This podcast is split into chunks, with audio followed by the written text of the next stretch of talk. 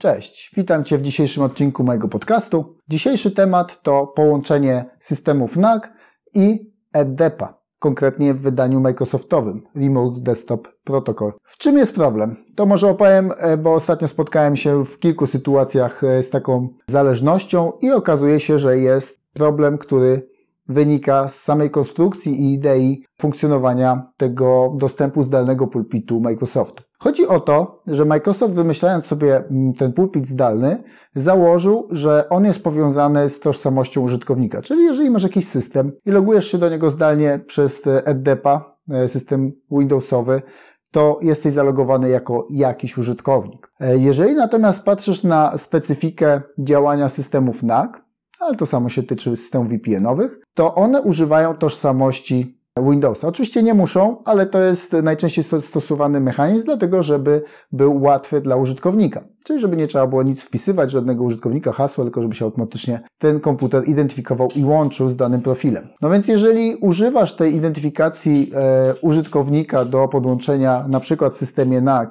danego komputera do sieci, no to oznacza, że mm, będziesz teraz chciał się posłużyć tą identyfikatorem sesji EDDEPA. To jest scenariusz, który zakłada, e, że mamy na przykład sytuację z COVID-u jeszcze, czyli mamy użytkownika, który ma swój komputer stacjonarny w firmie, no ale on teraz pracuje przynajmniej częściowo e, z domu i on potrzebuje się łączyć w jakiś sposób do tego swojego komputera, który jest w firmie i korzystać e, z tego komputera zdalnie. No bo nie było tyle komputerów na przykład, żeby rozdać e, wszystkim laptopy nowe, na których mogą uruchomić wszystko. W związku z tym, jeżeli masz taką sytuację, że zdalnie łączyć dany użytkownik do filmowego komputera, a ten komputer stoi e, w naszej sieci korporacyjnej i uwierzytelnia się 802.1x do sieci, to będziesz miał problem.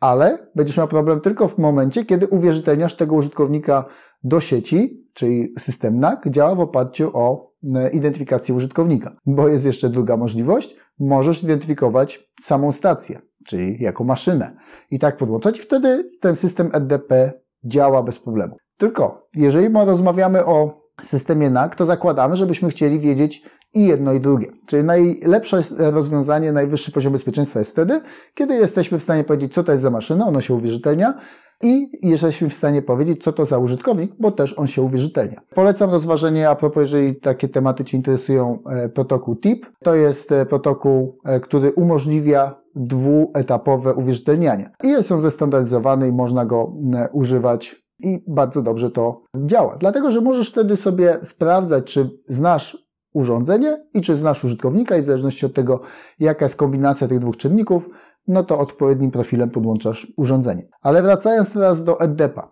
Jeżeli łączysz się EDDEPem i jeżeli korzystasz na przykład z TIPA, czyli tych dwóch kroków uwierzytelnienia, to będziesz miał problem pod tytułem e, brak przekazywania informacji o użytkowniku.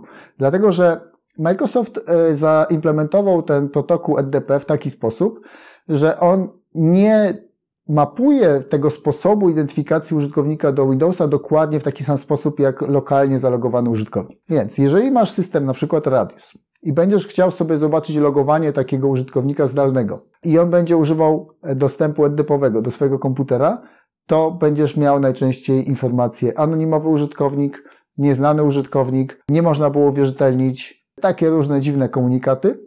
A to wynika ze sposobu, w jakim funkcjonuje sam Windows. Czyli jeżeli łączy się EDP-em do niego użytkownik, a potem ten użytkownik, czy identyfikacja tego użytkownika ma być użyta do 802.1x, to to nie działa. I tu niezależnie od tego, czy używasz loginu i hasła, czy używasz certyfikatu, to nie działa. Więc opcje masz dwie. Albo możesz zrezygnować z uwierzytelnienia użytkownikiem w 802.1x i uwierzytelniać tylko maszynę. To działa, tak możesz zrobić. No tyle tylko, że e, wtedy nie wiesz, kto tam się loguje. Każdy, kto ma konto na tej maszynie, będzie mógł się zalogować do sieci z tym samym poziomem uprawnień, co nie jest generalnie dobre. Możliwość druga, e, wybrać inny system e, połączenia, czy inny mechanizm połączenia zdalnego z tym komputerem. E, I to jest raczej opcja, którą ja polecam, e, czyli nie trzeba się koniecznie wiązać z tym, jak Microsoft e, zaimplementował ten zdalny pulpit. Można rozważyć inne narzędzie, które umożliwi logowanie do tego komputera. I wtedy on jest traktowany na przykład jakimś zdalnym dostępem zdalnym pulpitem, jakimiś innymi narzędziami, które można użyć. I on jest wtedy logowany jako ten użytkownik lokalny. I wtedy ta cała mechanika logowania, przekazywania informacji o użytkowniku działa. Więc to jest jakby jedna możliwość. Druga możliwość, ale też mało atrakcyjna, przynajmniej z mojego punktu widzenia, to jest taka, że użytkownik może mieć inne poświadczenia, czyli nie wiążemy wtedy z identyfikacją e, konkretnie domenową, Czyli nie mówimy, że te same poświadczenia, co w, e, na komputerze masz użyć do 802.1x, tylko mówimy, że osobno będziemy wpisywać dane. I to jest możliwe do zrobienia, e, natomiast no to przekłada pewien ciężar użytkowania na użytkownika, a to generalnie nie jest dobre rozwiązanie. Bo chcemy, żeby ten użytkownik miał jak najlepsze poczucie korzystania z tej infrastruktury, bo jeżeli więcej mu dołożymy zadań, to, to oznacza, że on ma więcej problemów, więcej zgłasza problemów do nas, a my mamy więcej pracy, więc to jest mało satysfakcjonujący scenariusz. Jeżeli masz jakieś pytania co do tego, to oczywiście pisz w komentarzu. To jest e, rzecz, którą ja wypraktykowałem ostatnimi czasy w, w różnych projektach i ewidentnie należy mieć na uwadze, że EDP w wydaniu Microsoftu nie działa świetnie z przekazywaniem poświadczeń o użytkowniku do innych systemów. Więc niezależnie od scenariusza, jeżeli masz tego typu problem, że coś się nie uwierzytelnia, a środowisko e, labowe masz zdalne, to rozważ, e, czy inaczej się do tego środowiska nie dostawać, albo nie, nie mieć tego środowiska dostępnego fizycznie, lokalnie. Na tyle dzisiaj. Dziękuję Ci za uwagę i do usłyszenia już za tydzień.